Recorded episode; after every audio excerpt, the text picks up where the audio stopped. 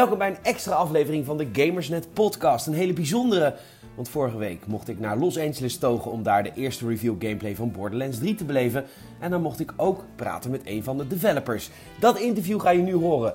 Uh, de man die ik mag spreken is Josh Jeffcoat. En hij is uh, verantwoordelijk voor de eindbazen, voor de tegenstanders in de game. Borderlands 3 heeft er een stuk meer dan in voorgaande gamen. Al dus Gearbox Software, dat gaan we allemaal nog zien als de game verschijnt.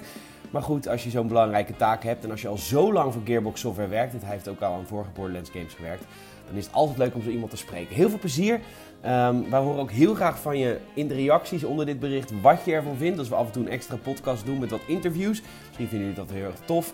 Uh, laat het ons vooral weten of uh, mail ons even via podcast.gamersnet.nl.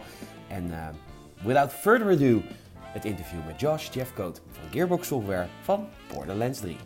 Veel plezier.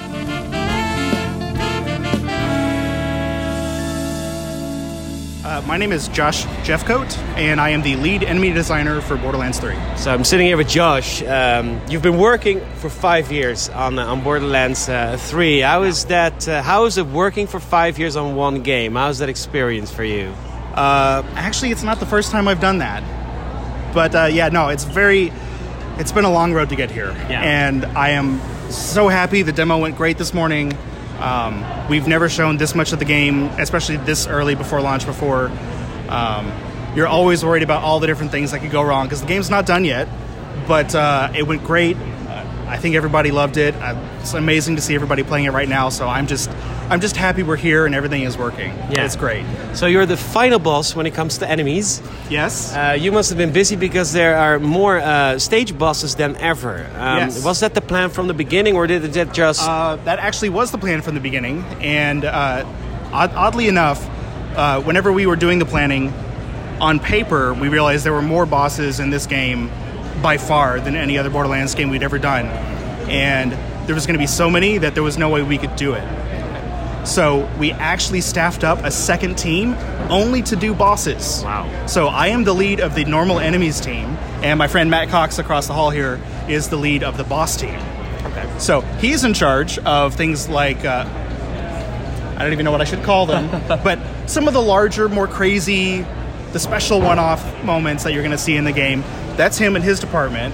And then the smaller scale mini bosses plus every enemy in the entire game was my department. So the uh, like the opening that you saw here with Shiv and with Mouthpiece, those are both things that my department made. Yeah. Okay. So I've got a question about that because a lot of these bosses are very um, story driven. They Yes. have to be funny. They have to Yeah. have their taglines and stuff. Yeah.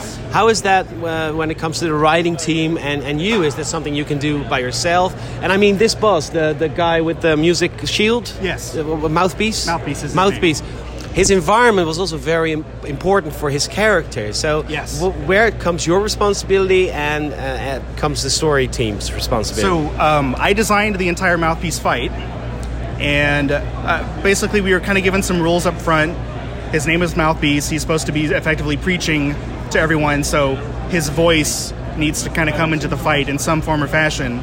And using sound in a fight is kind of a weird concept. It's really hard. You can't see it in a screenshot. It's really hard to explain to people. Uh, so I had the idea, like, okay, well, he's going to be in this arena and it's kind of a theater anyway so we're just going to line the walls with speakers and he can control the speakers and we can use that to do big attacks with and uh, basically me uh, the writing team uh, the music and the audio guys all had to work more closely than we've ever worked before to get all of these things lined up and working perfectly in concert together so uh, it was actually one of the most fun things i've ever built Yeah, it must And- be very creative for you to to. Oh yeah, uh, but uh, I've I got to be in the mocap room. They didn't put me in the suit because because I wouldn't fit. But uh, I was in there just because he's got these big dramatic moves that he does, and I'm sitting here with the actual mocap actors acting out like. You know, you're in a wrestling arena and you, you need to be doing this move and acting for the crowd all the way in the back, like these really big body movements and stuff. So it was a lot of work from a lot of people, and uh, it was actually it was a lot of fun. Uh, I don't get to do that very often because normally I have to run the whole rest of the team. Yeah. But that was uh, that was our it's our first major boss fight in the game, and so they wanted me to do it, and I was happy to, to have the opportunity. Uh, it's actually a little bit your child. it is, it is, and I'm I'm super proud. Uh, and it was a blast. And I had a lot of help from a lot of people. Yeah. So yeah, It's a, it's a team game. uh, absolutely. Have you worked on previous Borderlands games? I have. Um, I did about 10 minutes of work on Borderlands 1. I was busy with the Brothers in Arms series at the time. Okay. But I've worked on every Border, uh, Borderlands game since. So you're a Gearbox veteran. Yes. Uh, I started at Gearbox in 2001. Wow. So I've, I've been here for a while. Good. Yeah. Two more years and you've Yeah. got, you have your 20. Yeah, pretty close. Get your watch. Almost. Um, so this game has more planets. You don't. You haven't announced how many, but uh, that must mean for you that it's a more varied game for you to make Absolutely. when it comes to bosses. Can you, uh, can you give some examples of, of that and when, when comparing it to just working on Pandora and now working on different planets? Well, uh, one of the most important things that we kind of realized early on was if we go to a different planet, we can't have skags on a different planet. Those those belong to Pandora. Natives. Yeah. Yeah. So uh, one of the very first things we did, the first planet that we kind of decided that we were going to go to was Promethea, and we're like, it's going to be a city. Okay, well we need uh, we need to figure out what wildlife we're going to see in the city, and we needed. Um, well, you'll see them in the demo, so I can say their name. So the Ratches appear in Promethea. That was one of the first enemies that we made uh, for Borderlands 3. Um, and it needed to be something kind of a pest, kind of a vermin. Uh, we're thinking roaches or rats, and we just kind of smashed that together into the Ratch. Um, but every single planet needs its completely unique set of wildlife, uh, so we can't cross any of that stuff over.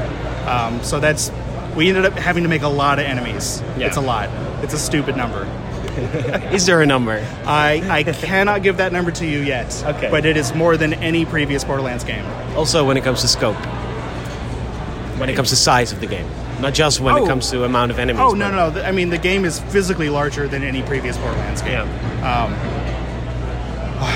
we weren't sure we were going to be able to do it, but we're here, and we pretty much did it. So Yeah. yeah, um, it's it's a very large game.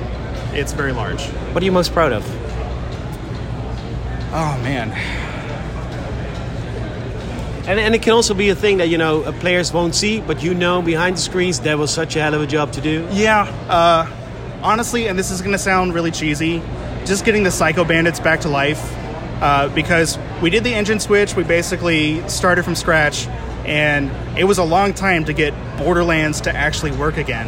And the Psycho was basically the Psycho and the Skag were the very first enemies that we recreated. Yeah.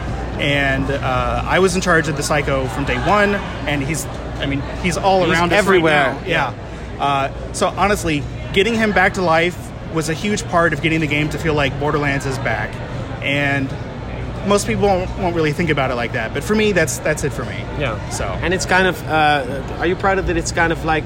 I won't say old-fashioned, but it's the, the vision of the game is Yeah. like it's a straight-up game. It's finished, and there'll probably be DLC. But have honestly- you loo- did you look at other games that came since, like the Fortnite of this, stu- of this oh, world? of course. I mean, we're always looking at. I mean, we all play games, so um, yeah, uh, we look at a lot of games, and there's a lot of there's a lot of we've all lost a lot of sleep to other games that we probably shouldn't have. Yeah.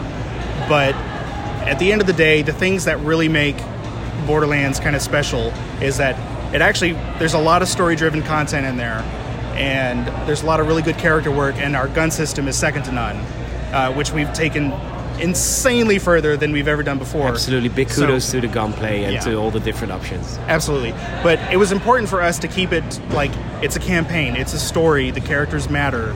And that's the kind of game I prefer to play. And so I was more than happy when we made the decision that's the kind of game we're going to make. So, okay. Yeah. Well, Josh, thank you very much. Good luck with the last few months of development. Yeah, we're almost there. Just got to get it across the finish line. Yeah, but the game is never finished these days, so uh, you Yeah. know, get a month of vacation, but then you need to get back. Yeah. Thank right. you very much. Thank you. Thank you. Dit was ons interview met Josh Jeffcoat, eh, developer bij Gearbox Software voor Borderlands 3. Rest mij niks anders te zeggen dan bedankt voor het luisteren. Aanstaande vrijdag is er weer een reguliere Gamersnet podcast. En eh, volg ons even overal, je weet het wel. Facebook, Twitter, Instagram, YouTube en elke dag je dagelijkse nieuws op gamersnet.nl. Bedankt voor het luisteren, bedankt voor de support en tot de volgende.